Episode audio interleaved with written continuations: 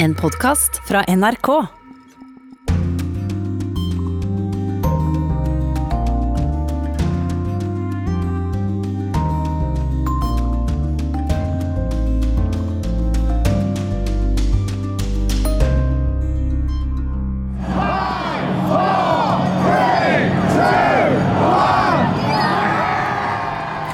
Nedtelling til brexit i går kveld. Dette er britenes første dag utenfor EU på 47 år. Her i Urix på lørdag skal du også få høre om skottene, som fortsatt vil ha sin selvstendighet. Vi kunne være et lite land som er likevel sterk, har en sterk stemme, og pekte på Norge som et eksempel. En liten skotsk Norge, på en måte. Med kilt, ja. Og for første gang får du høre historien om en nordmann som spionerte på tog og ubåter i Sovjetunionen i 1959. Så løp jeg bak en, et skur. Så hadde jeg en egen uh, kode for meg selv som ingen kunne, kunne tyde. Jeg hadde noen tall og blanding av kyrilliske og latinske bokstaver og alt mulig sånt som er notert ned. Og vi spør om den store innsatsen mot koronaviruset har noen effekt, og du får også høre om handel med ville dyr som kan bidra til virussmitte. Korrespondentbrevet er fra Sissel Wolds reiser til Pakistan. Ikke si hvor du er fra. Glem Norge. Nå er du fra Istanbul, ikke sant? Tyrker. Her i studio denne lørdagen, Øystein Heggen. Men aller først til riksrettssaken mot Donald Trump, der det var en viktig avstemning i natt norsk tid. The clerk will call the roll. Mr. Alexander. Mr. Alexander, aye. Ms. Baldwin. Ms. Baldwin, no. Mr. Barrasso. Men dette var ikke avstemningen om USAs president Donald Trump er skyldig i riksrettiltalen eller ikke. Likevel var avstemningen en seier for presidenten og hans støttespillere. For det ble ikke flertall for å kalle inn vitner i riksrettssaken. Korrespondent Veronica Westrin forteller hva som skjedde. Vi kan vel si at uh, saken ble avgjort i natt, da det ble klart at det ikke kalles inn nye vitner i den videre prosessen. Det ble avgjort med 51 mot 49 stemmer, og det var kun to republikanske senatorer som stemte med demokratene, nemlig Susan Collins og Mitt Romney. Og dermed så er det altså klart at det nå går mot avstemning i skyldspørsmålet i riksrettssaken. Uh, noen hadde håpa at den kunne komme til å bli avgjort eh, allerede i natt eller lørdag. Ehm, men i natt så ble det bestemt at Senatet nå tar en pause og starter opp igjen på mandag. Da får aktoratet og Trumps eh, forsvarere to timer hver til å komme med sine avslutningsinnlegg. Og så er det ikke før onsdag ettermiddag at vi får en endelig avklaring i saken. Da skal eh, Senatet stemme over riksrettstiltalen. Og det er da venta at presidenten frifinnes, ettersom det kreves to tredjedels flertall i Senatet for å fjerne han. Så hva er demokratenes reaksjon på dette, Veronica Westrin? Demokratene er skuffet. Eh, de skjønte det jo ganske tidlig i går hvilken vei dette bar, ettersom to av senatorene de håpet kunne komme til å stemme med dem, fortalte at de ville stemme mot å innkalle nye vitner. Jeg prata med senator Ed Markey før avstemningen, og han virket da lettere oppgitt og sa at det ikke blir en ordentlig rettssak når ikke nye vitner blir hørt. Han mente Senatet burde få høre førstehåndsinformasjon, og sier det vekker tvil om Senatet får gjennomført jobben sin på en ansvarlig måte. Minoritetslederen i Senatet, Chuck Schumer, kalte avstemningen i natt for en stor tragedie. Og eh, president Donald Trump har vel reagert på Twitter som, eh, som vanlig? Han går på Twitter i natt hardt ut mot demokratene og sier de aldri blir fornøyde, samme hva de får og viser til at republikanerne ikke fikk noe i Representantenes hus. Demokratene er lik 17 vitner, republikanerne er lik null, skriver han. Ja, så Trump eh, viser til de tidligere høringene i Representantenes hus, der han mener demokratene fikk høre sine vitner, men ikke republikanerne. Ok, så hva skjer eh, framover, Veronica Westrin? Mandag er det klart for det første primærvalget, der demokratene starter den formelle prosessen med å velge deres presidentkandidat. Tirsdag skal presidenten holde sin årlige tale om landets tilstand, State of the Union. Fremover kommer demokratene nok til å bruke det faktum at de ikke fikk kalle inn vitner, at det ikke har vært noen rettferdig sak for å få støtte blant eh, sine. Men vi må huske på at dette har vært en politisk prosess delt etter de partipolitiske skillelinjene. Og jeg tror ikke Trump svekkes av dette. Snarere tvert imot. Jeg tror også han vil bruke seieren han etter all sannsynlighet får onsdag, med seg videre inn i valgkampen til å holde på sine hittil meget lojale velgere, og forsøke å overbevise nye.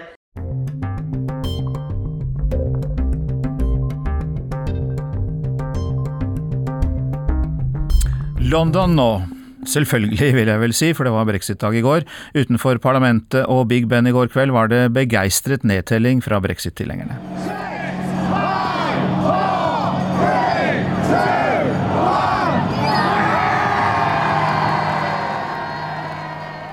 The most important thing to say tonight is that this is not an end, but a beginning. This is the moment when the dawn breaks and the curtain goes up on a new act in our great national drama. And yes, it's partly about using these new powers, this recaptured sovereignty. Når Storbritannia går ut av EU, går vi inn i en ny æra, sa statsminister Boris Johnson i en tale i går kveld. Et nytt daggry der teppet går opp for en ny akt i vårt store nasjonale drama, og vi har fått ny makt og suverenitet. Det sa Johnson, intet mindre. London-korrespondent Øyvind Nyborg. Hva mer sa statsministeren eh, nå når Storbritannia, eller like før Storbritannia forlot EU? Han sa jo at eh, sår nå må lege, og nevnte ikke ordet brexit en eneste gang i eh, sin tale. Det er jo et forsøk på å samle nasjonen som fortsatt er veldig splittet i EU-spørsmålet. Samtidig så var jo dette et eh, politisk frieri. Han sa at nå som Storbritannia er blitt en uavhengig nasjon igjen, så skal man eh, ta ut eh, det fulle potensialet i, eh, i nettopp det. Og, og nevnte f.eks. det å ha full kontroll over fiske i eget farvann som en av de tingene. Og tidligere har hun også lokket med skattelette til de som ikke tjener fullt så mye. Ja, så hørte vi at det var stemning i går kveld blant de som var for brexit, ved midnatt norsk tid, da britene forlot EU. Boris Johnson var ikke ute i gatene?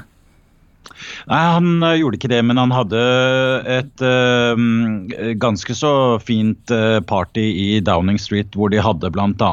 Uh, kylling og annen eh, drikke. Det skulle være da eh, engelsk vin de skålte i, men han har jo hatt et ønske om å ikke ta helt av eh, når det gjelder feiringen i går. Og det er jo et forsøk på å roe de den ampre stemningen som jo egentlig er her. Nå har det jo vært slik at mange britiske aviser har kjempet eh, for brexit. Eh, hvordan er forsidene i dag?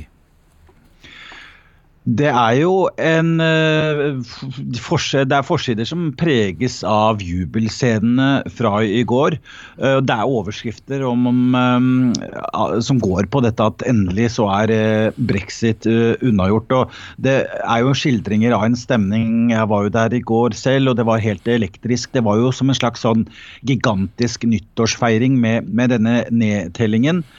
Folk hadde med seg champagner, skålte i det osv. Men det var jo også samtidig den harde kjernen av brexit-tilhengerne som var der, og det var jo de som sto for festen. Dette var jo ikke en fest som regjeringen egentlig hadde ønsket i, i sitt forsøk da på å ikke provosere altfor mye. Så kom det jo også en del eh, mennesker som var kledd i EU-flagget. Eh, for å markere sitt syn. Det ble litt dårlig stemning eh, av det, men det var jo altså da en gjeng som møttes for å ha en slags minnemarkering der de tente levende lys utenfor det som heter European House i London. Helt til slutt, Øyvind, så er jo dette overgangsavtalen med EU som gjelder dette året, og eh, de neste månedene skal det jo forhandles til de grader. Ja, det blir veldig vanskelig, det som skjer. Eh, det er jo bl.a. slik at det britiske bankvesenet nå eh, ikke uten videre kan operere videre i EU. Eh, man må vite og finne ut hva man skal gjøre med toll og grensekontroller. Franske, nederlandske, danske fiskere, også kanskje norske, kommer til å stille harde krav. De kommer nok ikke til å sitte stille i båten sin og se på at de holdes utenfor fiske i britisk sone. Og så blir det jo eh, kanskje en krasj mellom ønsket om en avtale med EU og også med USA. fordi eh, hvis eh, britene blir tvunget til å godta klorvaskede kyllinger fra USA, så vil det hisse opp EU, som mener at noe sånt vil gå på matvaresikkerheten løs. Og eh, de vil da i sin tur straffe britene eh, for å godta amerikanernes krav. Så her kan det komme flere snacksy ting. Og jeg tror ikke at eh, selv om ting har roet seg litt nå i, i brexit-kaoset, så vil det bli harde tak og sterke følelser og mye spenning framover. Takk skal du ha, Øyvind Nyborg. Vi går rett fra brexit nå til den andre store saken denne uka, nemlig om virussmitte. For eh, den eh, har jo spredt seg, dette viruset som oppsto i Kina. Antall smittede er nå eh, nærmere 12 000, og minst 259 mennesker har dødd, alle da i Kina. Men antall land som har fått importerte tilfeller, de øker. Nå er det 26 land. Og blant dem i Europa Sverige, Finland, Tyskland, Frankrike, Spania og Italia. Og folk hentes jo hjem fra Kina, og beredskapen økes. Og da er det spørsmålet vi stiller her, om den store innsatsen har noen effekt. Torsdag erklærte Verdens helseorganisasjon smitten som en global helsetrussel, og det mener ekspertene det er god grunn til. Du hører den kinesiske statsministeren Li Keqiang holde tale til en gruppe leger og sykepleiere i byen Wuhan. Dette er sentrum av utbruddet. Hold dere friske og beskytt deres egne liv, sier statsministeren. Befolkningen er avhengig av dere. Vi vil arbeide hardt, er svaret Liv får.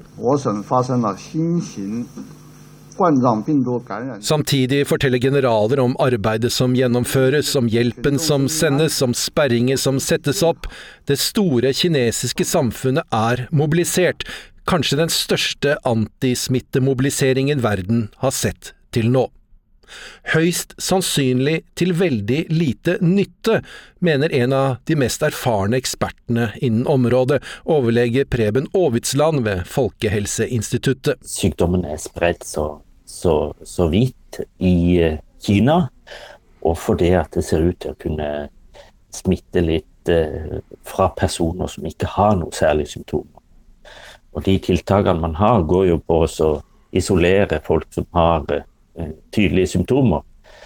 Men hvis det da er mange som ikke har noen særlige symptomer, bare kanskje er litt forkjøla, og så sprer smitten videre, så blir det veldig vanskelig å stoppe dette. Aavitsland og et samlet miljø ved Det norske instituttet mener tiltakene kan forsinke spredningen litt.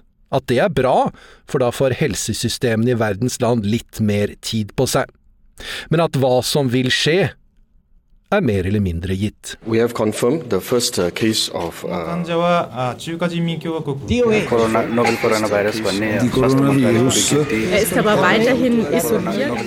I over en måned hadde smitten spredd seg i Kina før de første tilfellene begynte å dukke opp i andre land. Nå kommer det nye bekreftelser hver dag. De enkelte land har høy beredskap, smittede blir fanget opp. Men dette vil ikke holde, forteller Aavitsland. Men eh, etter hvert som tida går, så, så risikerer man jo før eller senere at noen sånne tilfeller glipper. Og så starter spredning eh, ute i samfunnet. Og, og, og, det er vel det scenarioet man ser for seg i, i månedene fremover. At eh, etter hvert vil eh, viruset eh, ramme flere land, og det blir spredning ut i samfunnet i flere land. Pandemics have occurred throughout human history. Some have left scars on the tissue and bone of their victims. Viruset vil altså i all sannsynlighet bli en pandemi, altså pan, alle, og demos, folket, alle folk. Den vil være såkalt endemisk i alle nasjoner. Noen, som vi her i Vesten, vil takle det relativt bra, mener ekspertene, de fattige landene ikke så bra. Heldigvis ser det ut til at den gir en relativt mild sykdom, mange som nesten ikke er syke, noen som trenger hjelp av helsetjenester, og noen få som kommer til å dø. Den store mobiliseringen som nå skjer, og erfaringene vi kan trekke både positivt og negativt ut fra den når det hele er over, vil styrke oss, mener ekspertene, slik at vi er bedre rustet til å takle neste. Vi er jo hele tida på utkikk etter nye virus som både gir alvorlig sykdom, og som sprer seg lett.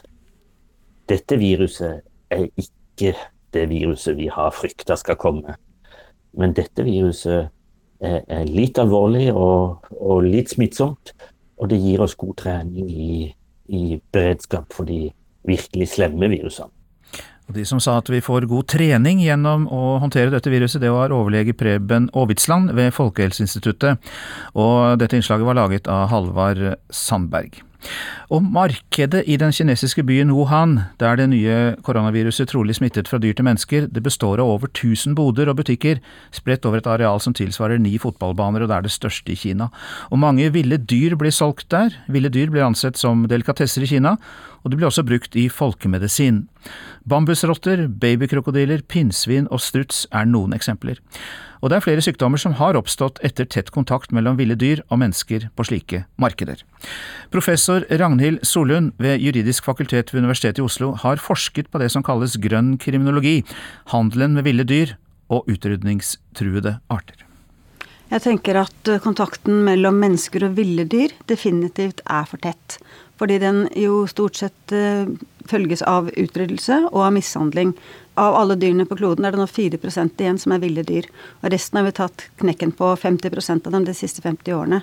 Sånn at uh, det er for tett. Og, og, all denne kontakten handler jo egentlig om at vi fanger dem, setter dem i bur, bruker deler av kroppen deres. I Asia bruker de veldig mye medisin.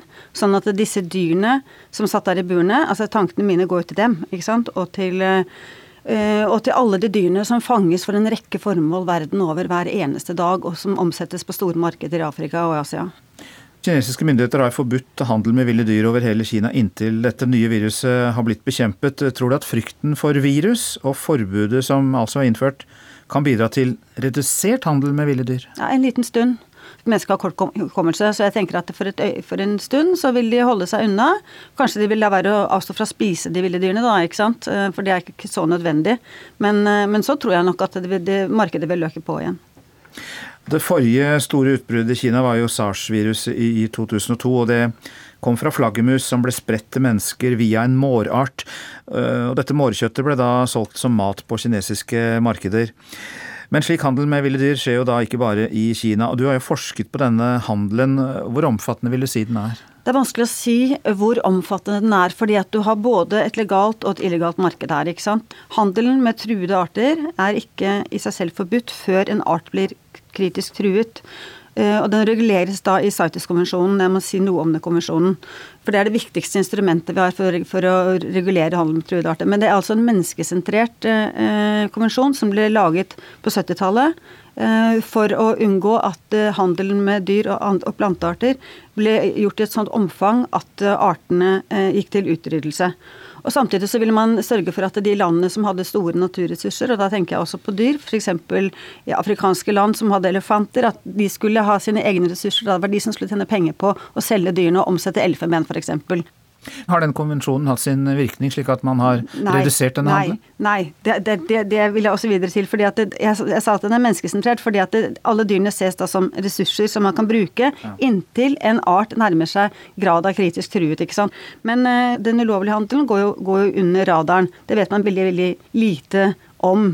Det skaper to, to, parallelle markeder. Et legalt og et illegalt. ikke sant? Sånn at man kan vaske eh, dyr som er tatt ulovlig, og som tilhører en kritisk truet art, Eh, inn i det legale markedet som om det skulle være en art det er tillatt å handle med. Det kan man gjøre med å forfalske CITES dokumenter sant, som skal følge disse dyrene. Man har tatt 200 eh, akvariefisk fra en elv i Brasil, mens man egentlig har tatt 1000. Man kan ta ringene av fugl som er ringmerket, og så kan man presse den på en annen fugl istedenfor. Det er utall måter å, å, vaske illegale dyr inn i det legale markedet, og det øker omfanget. Har man funnet at bare, bare i EU så omhandles det for 100 milliarder euro i truede arter hvert år. Og da er dyr og planter inkludert i dette. Dette er jo nærmere 1000 milliarder norske kroner. 100 ja, milliarder det er, det er bare i EU. Og så har du f.eks. en måte man kan finne ut av om en art øker i salg eller ikke. Det er at eh, forskere går ut på et marked, f.eks. da i Kina eller Indonesia, som jeg skal fortelle om nå, for å undersøke eh, om eh, det er blitt økt omsetning av ugler som følge av Harry Potter-filmene. For Harry Potter hadde jo Hedvig, som han var veldig glad i. Ikke sant? Og, og, så ser alle Hedvig, og så vil alle ha en ugle.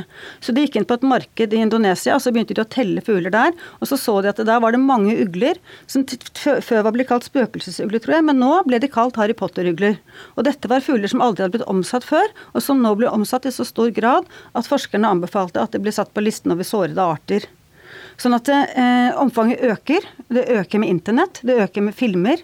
Du har både det åpne nettet, som politi og, og tollmyndigheter sjelden undersøker, og så har du det, det svarte nettet i tillegg, ikke sant. Du forsker jo på det. Er det noe håp? Ser du noen muligheter til å få bukt med dette problemet? Eh, det jeg i hvert fall ser, eh, er at det bør totalforbys for å unngå dette med de parallelle legale og illegale markedene. Det er helt nødvendig. Handel med dyr, altså? Ja. Eh, handel med ville dyr bør forbys, også fordi det vil sende et mye sterkere normdannende signal til befolkningen eh, om at det er helt ulovlig. Men så må det også eh, opplysningskampanjer til. og Det må skje både i barnehagen og det må skje på skoler, og det må skje der folk reiser. F.eks. På, på Gardermoen i Oslo når folk skal reise ut av landet. Mange reiser til Thailand. De tar med seg hjem suvenirer med elfenben. Og jeg satt og så på et kjempesvært straffesaksmateriale jeg har i går. Mange har tatt med seg eh, eh, skilpadder fra forskjellige land. Til og med så langt unna som fra Thailand har de tatt med seg skilpadde og andre reptiler i bagasjen. Sånn at det må opplyses når folk reiser ut av landet at det er ikke lov å ta med seg CITES-listede dyrearter eller produkter hjem til Norge. Ja, Det var professor Ragnhild Sollund, og hun sier at handelen med ville dyr er den største trusselen mot biologisk mangfold og overlevelsen til svært mange arter. Og så ble CITES-konvensjonen nevnt her. Vi legger til at det er altså en konvensjon, en internasjonal avtale, om handel med truede og sårbare arter, som altså ble vedtatt i 1973.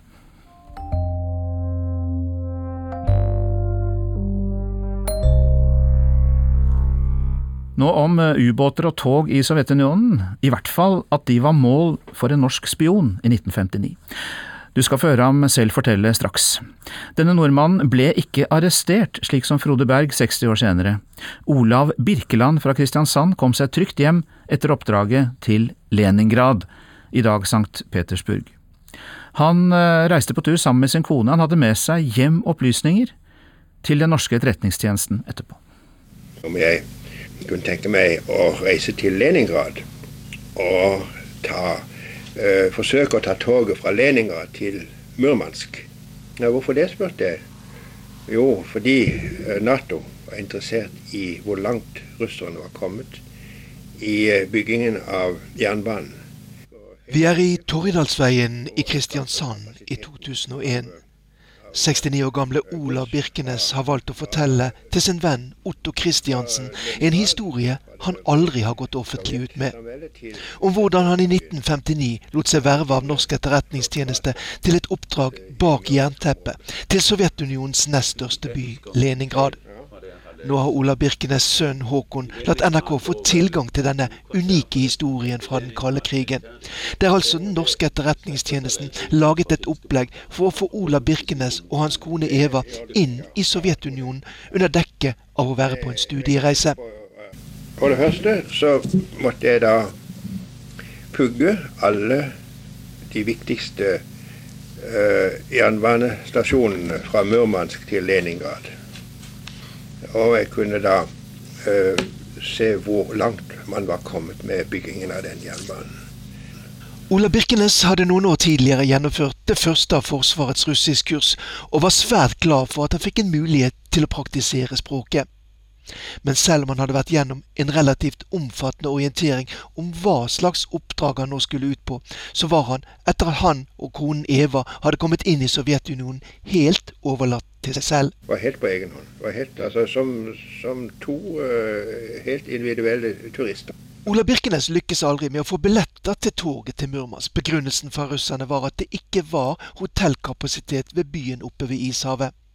Dermed måtte han finne en annen metode for å finne ut om hvordan det gikk med byggingen av dobbeltsporet på den strategisk viktige jernbanen nordover. De togene de da kom til eh, Finlandia stasjon. Så jeg sto opp tidlig om morgenen og var nede der og pratet med lokomotivfører og konduktører og av og til noen passasjerer. Så spurte jeg hvor langt de var kommet. Og mange de var Eh, elskverdig og, og begeistret. Ja, nå er vi kommet til, til, den stasjonen der, nå er vi kommet til den stasjonen der. Og det var jo interessant. Så jeg fikk de opplysningene, så løp jeg bak en, et skur.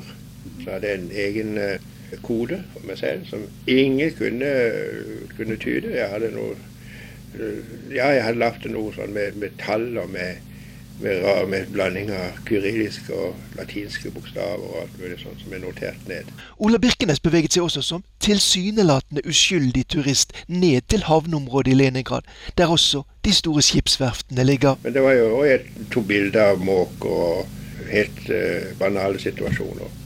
Men jeg visste at det var ett område som var interessant for uh, mine, mine oppdragsgivere. Og jeg tok masse fotografier av området. Og så står jeg fotografi av et kjempestort uh, tregjerde. Som uh, ytterst sett er helt uh, uinteressant, men uh, det kunne vise seg senere var det viktigste bildet jeg tok. Ola Birkenes ble i motsetning til Frode Berg 58 år senere ikke oppdaget av det sovjetiske sikkerhetspolitiet, og kom seg sammen med Eva velberget tilbake til Norge via Finland og Sverige og det viste seg at opplysningene han hadde med seg var svært verdifulle sett med den norske etterretningssjefen Wilhelm Evangs øyne. Da glemmer jeg aldri det øyeblikket der oberst Evang og kom gledesstrålende inn og nærmest omfavnet meg. Og så viste han meg et bilde. Og det var nettopp av dette her svære gjerdet. Som jeg trodde var, hadde null og niks verdi, egentlig. Men der hadde de altså oppdaget tårnet på en ubåt som hadde raget over en del av gjerdet. Og fant ut at dette var en atomubåt som de holdt på å bygge. Ola Birkenes gjorde seinere som tolk for idrettsdelegasjoner fra Finnmark til Murmansk også visse oppdrag for norsk etterretning, men de var neppe så farlige som oppdraget som han gjorde til Leningrad i 1959. Jeg må jo bare kanskje si i ettertid at det kunne bli farlig. Og dette intervjuet ble gjort i 2001, og du kan lese mer om saken på nrk.no, for eh, Morten Jentoft har laget uh, også en artikkel om det, og det var han som hadde laget den reportasjen for oss i Urix på lørdag.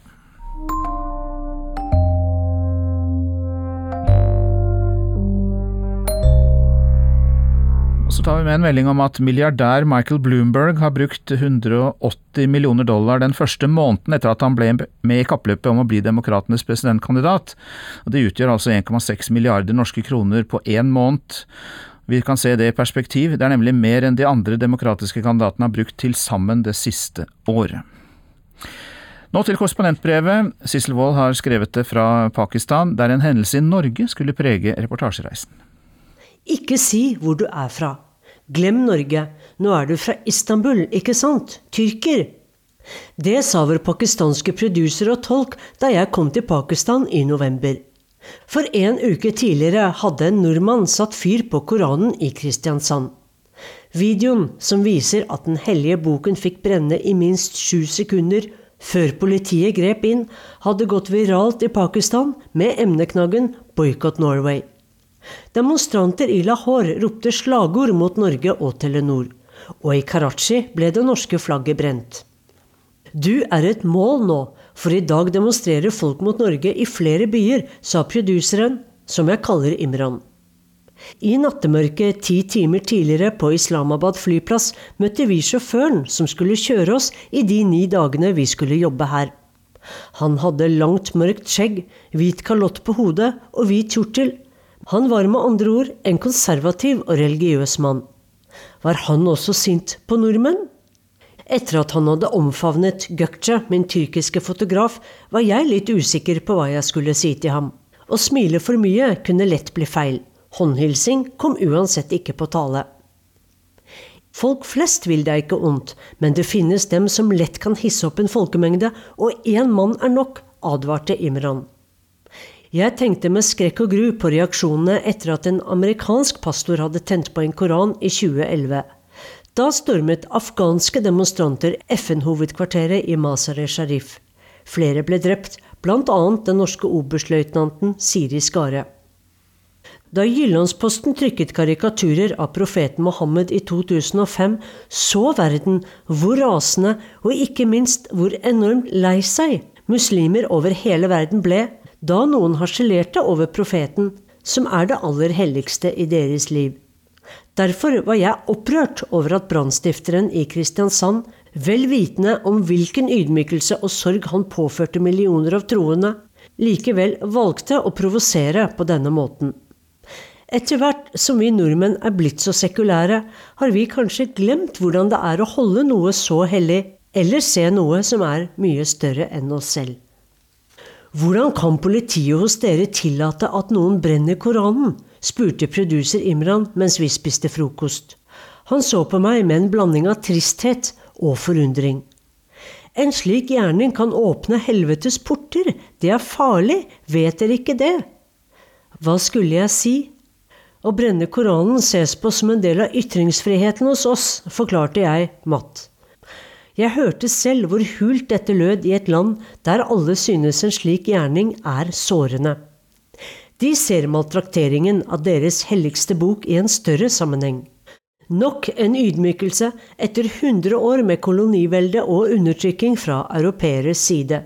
Skulle det aldri ta slutt?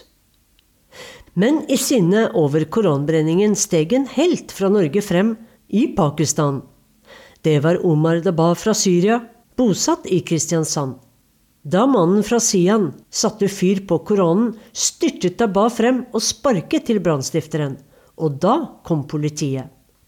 Kokken Omar Daba hadde stått opp mot fornærmelsen. Bilder og videoer av ham med emneknaggen 'Defender of Koran' spredte seg raskt. Han var Koranens forsvarer og den mest elskede personen i den muslimske verden nå, på nettet. Vår første opptaksdag var ved Wagga Border, der pakistanske og indiske grensevakter underholdt publikum med en spektakulær oppvisning. Sjåføren og jeg fikk plasser ved siden av hverandre på tribunen, noe han tydeligvis mislikte. Den neste timen lente han seg demonstrativt bort, med ryggen mot meg, som om jeg hadde lus. Jeg syntes han var svært uhøflig. Hvorfor denne forakten? Var det pga. koranbrenningen? Et par dager senere var vi på opptak i en landsby i Kashmir. Mens fotografen og jeg intervjuet folk, snakket en mann fra etterretningen med produseren vår. Så hun er norsk. Vet du at du reiser rundt med en bombe? Hold en lav profil, var beskjeden igjen. En kveld var vi på et eventyrlig filmsett ute i Lahore. Dansere og stjerner i glitrende kostymer gikk rundt under den kalde stjernehimmelen. Vi satt og ventet på intervjuobjektene våre. Nå kan jeg vel si at jeg er fra Norge, sa jeg til Imran, for filmfolk er jo liberale. Nei, sa Imran, du ser det er mange her, og vi vet jo ikke hvem alle er. Men, sa jeg, vi må si hvem vi er når vi intervjuer folk, vi kan ikke seile under falskt flagg. Jeg skjønner, men i Koranen så står det at det er lov til å lyve om det er for en god grunn og for å unngå fare, forklarte Imran. Skuespiller og filmprodusent Adnan Sidiki kom bort til oss. Hvor er dere fra? spurte han mens vi gjorde klar til intervju. Vi kommer fra Istanbul, sa jeg. Vi er fra NRK. Jeg skammet meg noe helt forferdelig. Skulle jeg virkelig lyve for Sidiki, som hadde jobbet i Hollywood, Bollywood og nå Lollywood? Den siste morgenen satt Imran og jeg med hver vår te. Nå ville jeg vite hva sjåføren tenkte. Jeg skjønner at han er dypt religiøs, begynte jeg, og jeg er vant til at menn ikke håndhilser, men hvorfor trengte han å demonstrere sin motvilje så åpenlyst? Var det på grunn av koranbrenningen? Jeg vet ikke, svarte Imran. Samme kveld skulle vi ta farvel med sjåføren vår.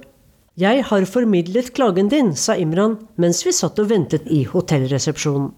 Jeg sa at du ble veldig fornærmet, men sjåføren fortalte at han var så redd for å komme bort til deg, for han var redd for å fornærme deg som kvinne. Så han var ikke sint pga. koranbrenningen? Nei, han vet at du ikke hadde noe med det å gjøre, sa Imran. Og inn døren kom sjåføren vår smilende, strakte ut hånden mot meg, ga meg et fast håndtrykk og sa at I am so sorry. Problem løst. Dagen etter foreslo Facebook at sjåføren kunne bli min nye Facebook-venn. Da oppdaget jeg at sjåføren brukte Koranens forsvarer, Omar Daba, som profilbilde. Deretter skjedde nok en overraskende ting. Med ett sto Adnan Siddiqui foran meg igjen, utenfor et hotell. Filmstjernen som hadde spilt i en film med Angelina Jolie, som jeg hadde løyet til. Kjenner du meg ikke igjen? spurte han idet tre menn ba om selfies med ham. Jo, sa jeg skamfull, og jeg må be om unnskyldning. Jeg sa jeg var fra Istanbul, men jeg er norsk. Men det var på grunn av den koranbrenningen. Men jeg vet at du er norsk, avbrøt Sediki. For jeg var i Oslo for tre dager siden, og der traff jeg til og med statsminister Solberg. Kom, så tar vi en selfievideo og sender til en vi begge kjenner i Norge. Nok et problem var løst og jeg fikk nok en påminnelse om hvor liten verden er. Og vi legger til at mannen som grep inn for å hindre korallbrenningen, Omar Dara, ble helt i den muslimske verden, som vi hørte, men eh, det var en blandet opplevelse, sier han selv til pakistanske medier. Han understreker til dem at det var jo ikke Norge som brente Koranen, og han sa også at han ikke vil oppfordre andre til å gjøre som ham selv. Brexit har skjedd, det har vi hørt, men kan skottene rive seg løs fra Storbritannia og komme tilbake til EU? Vi overlater til Tore Moland og Tove Bjørgaas å gi noen svar på det.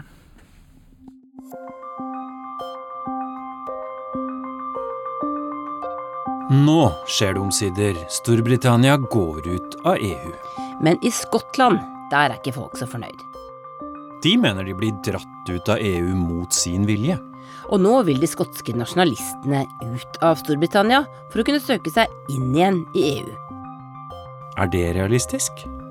Kan Skottland gå sin egen vei og bli sitt eget land? The question is, what kind of country will I grow up in? Du hører på Krig og fred med Tove Bjørgaas og Tore Moland.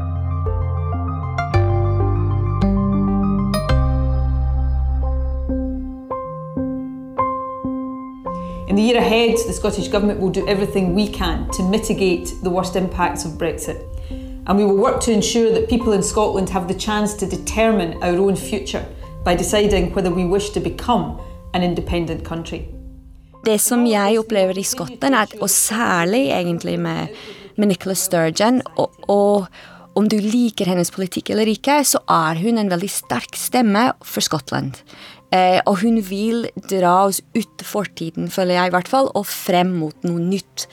Um, og, og det, det, føles som om man blir sånn holdt tilbake, egentlig. Så, så det er den følelsen av du vil, du vil noe, men du blir holdt tilbake.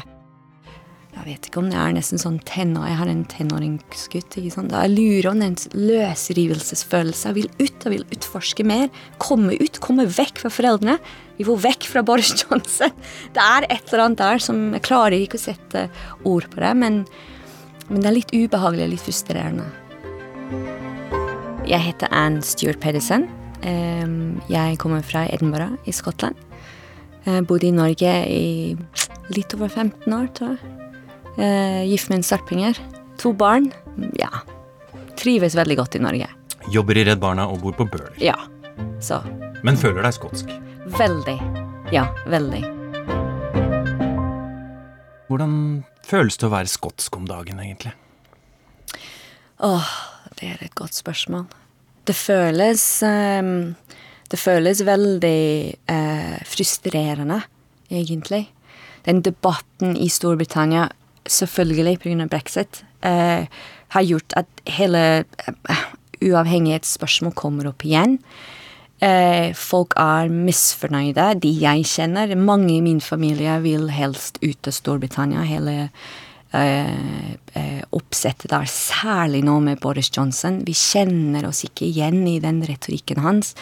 Mange blir sånn Jeg er født i 73, så jeg er vokst opp i Thatcher-årene. Selv om jeg var relativt ung. Jeg husker det var en lang avstand mellom Skottland og Westminster.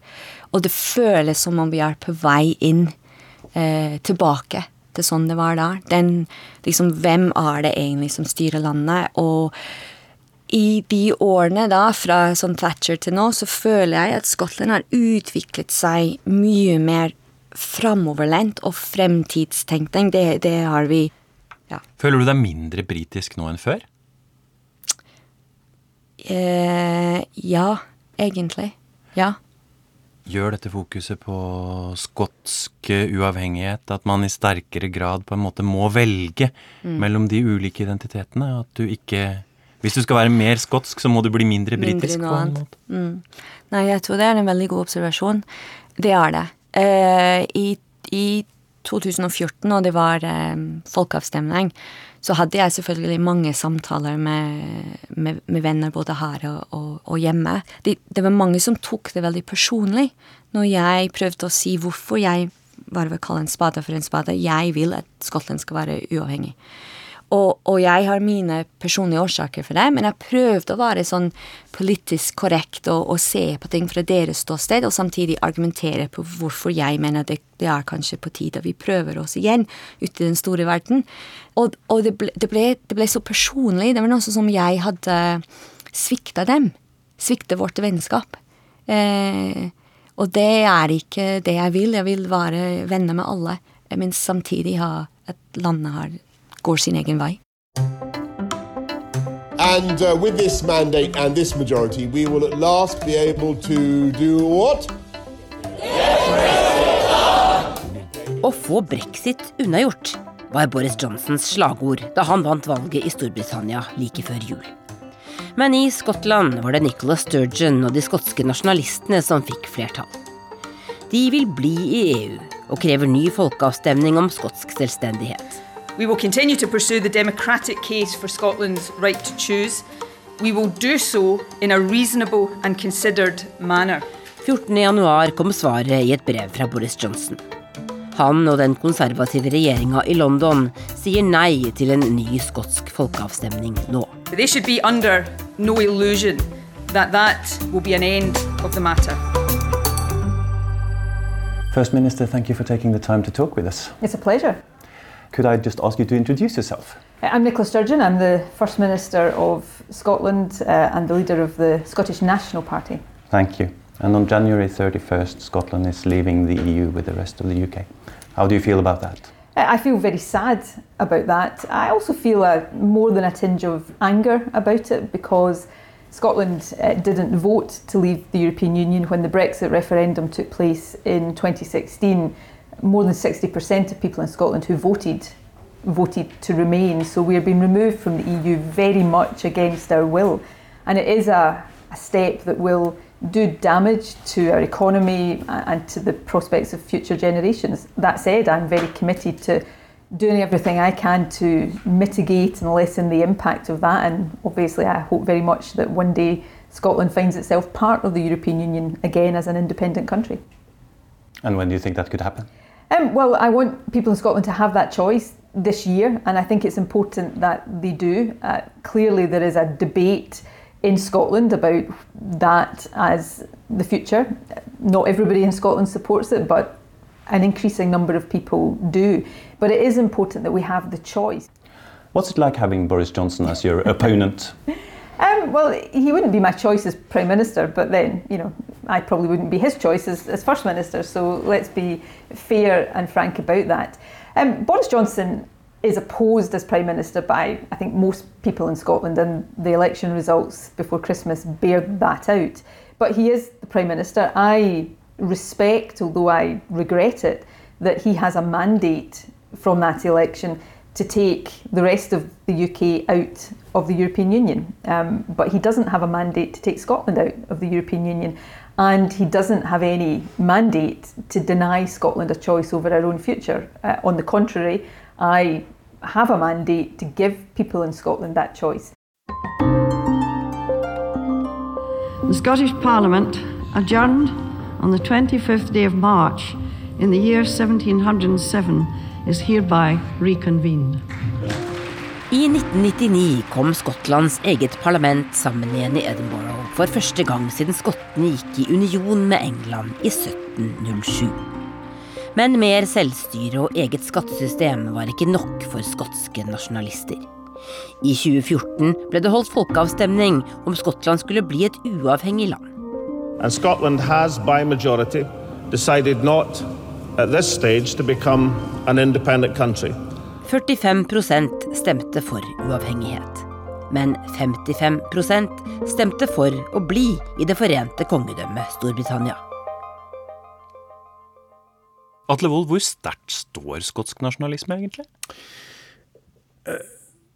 Den står ganske solid nå. Altså Det har gått fra å være et marginalt fenomen til å bli mye mer eh, bredt akseptert. Og det har litt å gjøre med hvordan SNP har endret seg fra å være et litt mer sånn klassisk nasjonalistisk parti som kanskje lå litt ut til høyre, til å være, bli mer et uh, sosialdemokratisk parti. Altså SNP sikter seg jo veldig inn mot uh, Norden. Og, og, ser på nordiske løsninger, og da kanskje litt sånn nordiske løsninger fra 70-tallet. Uh, gammeldags sosialdemokrati, som, som, det de ønsker seg. og dette er det mange i Skottland nå som, som liker, som ønsker seg en annen retning. Eh, og det er ikke nødvendigvis fordi de misliker alt som er engelsk, men i hvert fall fordi de misliker Westminster-systemet og vil vekk fra det. Eh, ja, jeg heter Atle Wold og er da førsteamanuensis i britiske studier ved Universitetet i Oslo. Eh, og har egentlig en bakgrunn i, i skotsk historie, først og fremst, fra 1700-tallet. Og har bodd i Skottland i fem år til sammen, så det er jo den delen av Storbritannia jeg har en nærmest kontakt med, da, kan man si. Eh, spørsmålet er om, bli, om de kommer til å bli flertall på sikt. Altså Foreløpig så har det jo ligget veldig stabilt, det resultatet som ble i folkeavstemningen i, om uavhengighet i 2014, som jo var 55% mot og 45 for. Det har gått litt opp og ned, men stort sett ligger det der fremdeles. sånn at det er et stort mindretall som ønsker selvstendighet, mens det fortsatt er da eh, en stille majoritet som ikke er så ivrig på dette her. Blir den majoriteten stillere og stillere, eller? Nei, jeg syns den er jevnt tyst, egentlig. Det er veldig få ja, for det er de skotske nasjonalistene vi hører fra, på en måte? Ja, det er det. Jeg var jo i Edinburgh under folkeavstemningen, eller for, før folkeavstemningen i, i, i 2014. og det var jo ingen nei-kampanjefolk ute i gatene i det hele tatt. Det, så å si ingen. Det var bare ja overalt. Og det, det var det var litt sånn som jeg syns det var i 94 i Norge, at hvis du var for EU-medlemskap, så var det sånn halvveisforræderi, da var du ikke ordentlig nordmann. Og det var litt sånn i Skottland òg, at det er ingen som vil flagge at de er imot selvstendighet, for de er på en måte litt upatriotisk uskotsk. Selv om de egentlig ikke vil ha det, og når det kommer til stykket, stemmer mot. Og SMP har nå sittet i regjering i 13 år, og det begynner kanskje å merke litt slitasje. Uh, og foreløpig så ser det ikke ut som at brexit har fått helt den effekten man ventet seg. At da, da, skulle folk si ja, ok, greit, hvis det blir brexit, da går vi for uavhengighet. Ja, kanskje er ikke EU-medlemskapet så viktig likevel når det kommer til stykket. Altså Selv om et flertall i Skottland stemte for å bli, så er det ikke sikkert at dette er så vesentlig for folk. Atle Wold, vi har et eget skotsk eh, parlament allerede i dag. Hva, mm. hva rår skottene over på egen hånd, egentlig? Altså, de rår jo egentlig over ganske mye. De Utdanningsvesen, helsevesenet, NHS i Skottland er jo separat. Eh, jordbrukspolitikk. En rekke områder som er styrt spesielt. Og så har det vært dette med hvor stor eh, Hvor mye skal det skotske parlamentet rå over finansen, altså skattlegging. Og de fikk jo muligheten til å, å, å variere litt på inntektsskatt i i, når parlamentet ble opprettet i sin tid. Så I 2016 så kom det jo inn nye lover hvor man økte dette her, bl.a. muligheten for skattlegging og at skattene som tas inn i Skottland i større grad går rett til Hollywood. At de ikke skal via The Treasury i London og så tilbake igjen. Så man har jo ganske stor autonomi innenfor unionen. Eh, man har egentlig det som tidligere ble omtalt som devolution max, altså at man har nesten så mye eh, eh, myndighet som er mulig innenfor unionen. Og det gjør jo at man kan stille spørsmål ja, men hva er det egentlig du trenger full selvstendighet for?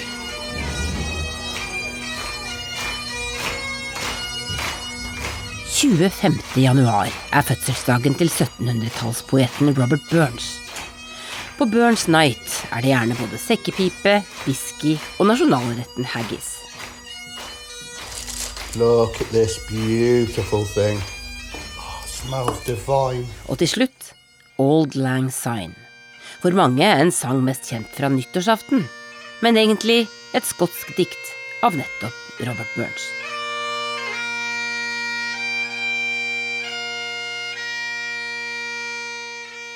Fortell meg hva Burns Night er. Uh. Ja, Burns Night. Det er litt vanskelig å forklare, egentlig. Er det en slags nasjonaldag, nesten? Ja, eller? det er nesten uoffisiell nasjonaldag. Altså den, den oppriktige eh, nasjonaldag, det er 30. november, St. Andrews Day. Men jeg tror de fleste skotter feirer Burns Night mer. Eh, da har vi et, eh, et helt opplegg med, med taler og mat og dansing og alt. Men det handler om Rabbi Barnes, som vår nasjonaldikt. Eh, og, og her er det, det et sånn, en veldig sånn stor skikkelse i skotsk kultur, med språk skrevet på dialekt, eh, og har bidratt til at folk fortsetter å holde på med disse tradisjonene og sånne ting. Så det, da hadde vi en, en, en gjeng som eh, var hjemme og spiste haggis for første gang. Eh, drakk whisky, og så pratet vi litt, hadde vi litt quiz og sånn. Og alle syns det er så gøy. Fortell meg hva haggis er. Ja, ok. Haggis er sterk, kryddete innmat med havregryn eh, pakket inn i sauemage. Det høres ikke bra ut. Men eh, det smaker kjempebra. Kjempegodt. Det er en sånn kjøttdeigaktig konsistent. Veldig sånn pepper og muskatnøtt. Og, og folk, folk liker det. Og så serveres det med, med potetstappe og med kålrabistappe. Så det er ikke så langt unna norsk julemat, egentlig. Hvis man tenker på det. Ernst Stuart Pedersen, hvordan har du vokst opp i Skottland? Ja. jeg har vokst opp i en, en del av Edinburgh, hovedstaden, som var veldig fattige. Eh, det var eh, kommunale boliger. Eh, pappa kjørte drosje. black taxi hadde han. Eh, og mamma jobbet på skolekjøkken. Eh, Vi hadde ikke mye penger. Og det var vanskelig i åttetallet med, med mye fattigdom, mye problemer med narkotika. Jeg er det eneste i vennekretsen min som gikk på universitet. Det, det var veldig sterkt klasseskille der. Det var et slags um, følelse at her er vi bare fattige folk. Vi klarer ikke å gjøre noe med dette. Jeg vet om du har sett filmen Trainspotting? Absolutt. Ja. Og lest boka. Ja. Choose life, choose a job, choose a career, choose a family. Så det er det, det Kommer var, du fra Trainspotting? Nei, ikke, det er ikke så ille, men det er ikke langt unna. Eh, og det er noe med å, å komme ut i det miljøet og tenke at eh, det, det ligger så mye, så, så mye u, unytt potensial i Skottland, føler jeg. Hvordan ville et selvstendig Skottland se ut slik du skulle ønske det? Åh, ja, eh, vet du hva, jeg må, bare, jeg må bare fortelle en liten historie. I 2014, og det var um, folkeavstemning rett før, så var jeg hjemme, og så besøkte mamma, og hun sa Du, jeg, det, det, kom et postkort, sier hun, i, i posten for en uke siden. Jeg trodde du hadde sendt den, for den var fra Norge, Grangefjord. Nei, sa det var ikke fra meg. Og så hadde det kommet fra SMP, Scottish National Party, og det, det bare stod Se hva vi kunne være, og pekte mot Norge. Selvfølgelig natur og fiske og altså alt som har med turisme, men det var den at det oppleves som en, en demokratisk og velfungerende land. Men på en måte var det slik at vi sa vi kunne være et lite land som er likevel sterk, har en sterk stemme, ser fremover, ser muligheter, og pekte på Norge som et eksempel. Ja, kanskje. En liten skotsk Norge, på en måte. Med kilt. Ja.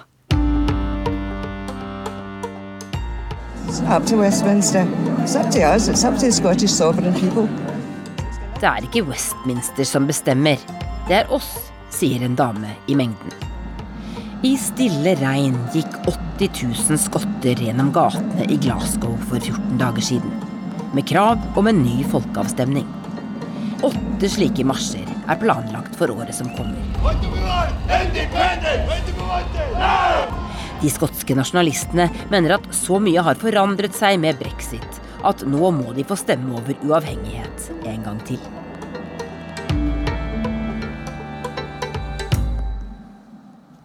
Atle Wold, man hadde en folkeavstemning om skotsk uavhengighet i 2014. Mm. Nå vil man ha en ny. Hvor ofte kan man holde på å mase på denne måten? Jeg tror det er en sånn gjengs oppfatning om at uh, hvis man har en til, og SMP taper den, da, da må de vente lenge. Hva er strategien til de skotske nasjonalistene nå framover, egentlig?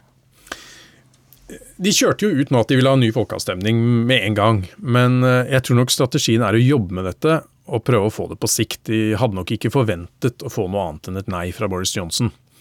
Eh, men strategien er nok at dette her skal bygge seg opp på sikt. Sånn at de kan få det om noen år, kanskje en avstemning til, og så holde presset oppe hele tiden. Atle Wold, hvor ender alt dette, da? Får vi se et uh, selvstendig Skottland i din og min levetid, tror du? ja, det, jeg er jo historiker, så jeg liker best å spå om fortiden, ikke fremover. men uh, um, det er fryktelig vanskelig å si. Hvem hadde egentlig sett for seg hvordan hele brexit-prosessen skulle bli? Så det er veldig mye uoversiktlig. Uh, per nå så tror jeg kanskje ikke. Fordi?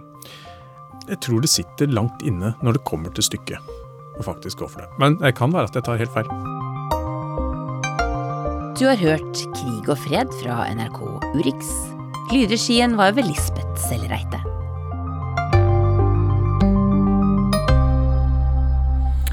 Og i denne timen så har du lyttet til Urix på lørdag. Teknisk ansvarlig Hanne Lunås, produsent Jon Branes og i studio Øystein Heggen.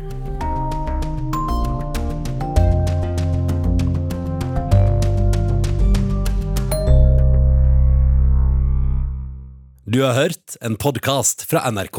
Hør flere podkaster og din favorittkanal i appen NRK Radio.